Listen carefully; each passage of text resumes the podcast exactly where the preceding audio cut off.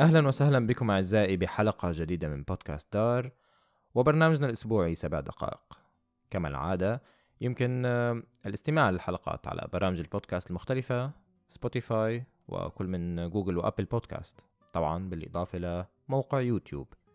يكفي كتابة آه، بودكاست دار على أي من هذه المواقع للوصول مباشرة للحلقات.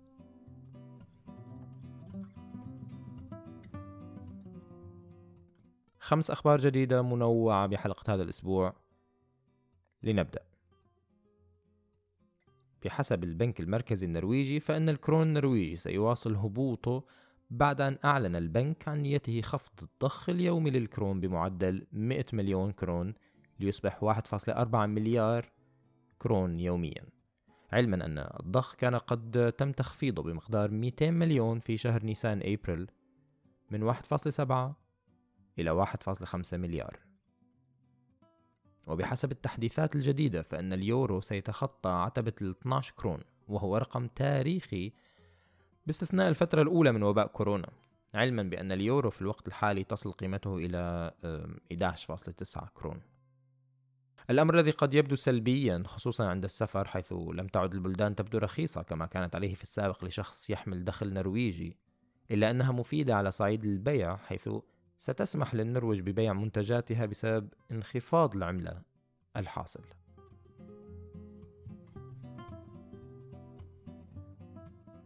خرج الطبيب الشهير وسيم زاهد في فيديو نقد ذاتي عندما قدم اعتذاره حول الفيديو الذي كان قد قدمه قبل أيام.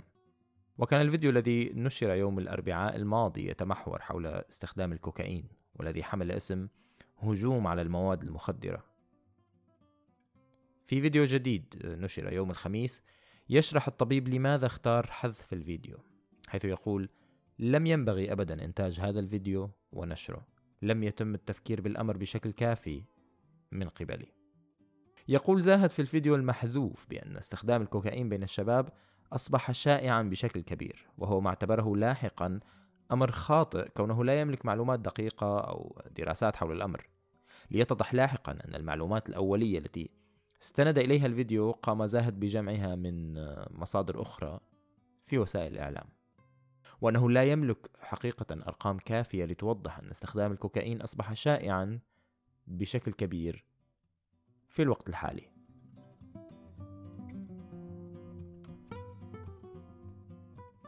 تغنت الصحف النرويجية بنجمها أرلينغ هولاند بعد تألقه في مباراة فريقه مانشستر سيتي أمام أرسنال خلال الجولة الثانية والثلاثين من الدوري الإنجليزي. النجم النرويجي صنع هدفين وسجل الرابع في المباراة التي انتهت بنتيجة 4-1 لصالح السيتي. أخبار هولاند والتي تنتشر عادة في صحف معينة كفيجي على سبيل المثال لاقت هذه المرة صدى واسع حتى في أوساط الصحف الأكثر جدية كال Aftenposten والتي عنونت نستطيع لأول مرة أن نكتب أن لاعب نرويجي هو المرشح الأهم لجائزة الكرة الذهبية وهي الجائزة التي تمنح لأفضل لاعب في العالم سنويا من قبل مجلة فرانس فوتبول الفرنسية.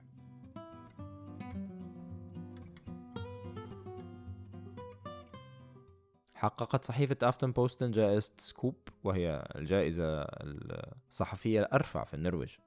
تم توزيع الجوائز في حفل أقيم في تونسبرغ بحضور أكثر من 650 صحفيا وحققت الصحيفة الجائزة للعام الثاني على التوالي إثر عملها على قضايا مؤسسة ال barnevern حيث نجحت Aftenposten من خلال 58 مقال. نجحت بشرح الطريقة التي تتخاذل بها ال barnevern عن مساعدة الأطفال المحتاجين حقيقة لخدماتهم. العمل بدأ منذ عام 2021 حيث خصصت Aftenposten صحفيين اثنين لإجراء هذه الدراسة الاستقصائية والتي أحالت العديد من القضايا قضايا ال barnevern للعدالة نتيجة التقصير في أداء عملهم. علما أن الصحيفة فازت بالجائزة العام الماضي عندما تم فضح رئيس الحزب المسيحي KrF شيل روبستاد الذي أساء استخدام ال pendlerbolig. وهي الشقة التي تمنح للوزراء الغير مقيمين في أوسلو.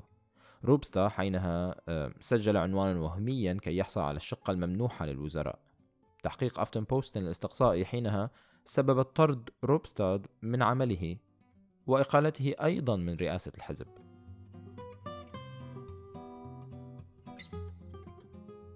في خبرنا الأخير لهذا الأسبوع عرضت الشرطة السرية النرويجية PST مساء يوم السبت تسجيلا لاعتقال المسمى جوزيه أسيس جياماريا الذي يحمل في الواقع اسم ميخائيل فاليريفيتش ميكوشين وهو روسي الجنسية.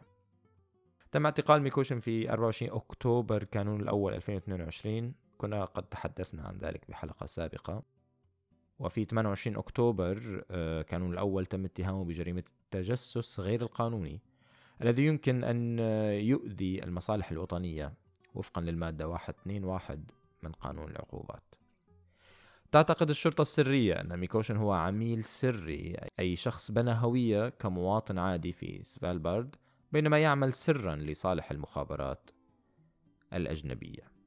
يقول إيريك فيوم كبير مستشاري الشرطة السرية PST إن الأمر يتعلق بنشر المعرفة حول من نحن وما نحن عليه وما نفعله وكذلك القيود التي نواجهها كشعب نرويجي في طريقة عملنا. فيديو اعتقال ميكوشن تم عرضه في مؤتمر الصحفيين آه، SKUP بمدينة تونسبرغ اللي تحدثنا عنه بالخبر السابق حيث يمكن بهذا الفيديو رؤية ميكوشن في وهو يسير وحيدا في طريقه إلى عمله كباحث زائر في جامعة UiT.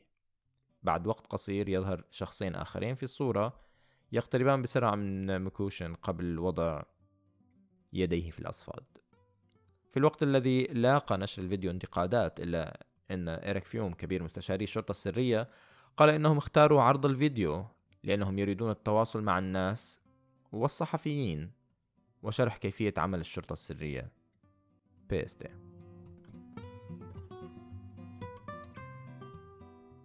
في النهاية يمكن قراءة تفاصيل هذه الأخبار بتتبع الروابط الموجودة في الوصف. كانت هذه الحلقة من إعداد أسامة شاهين. قراءة وإخراج محدثكم الشهم علباني شكرا جزيلا لاستماعكم.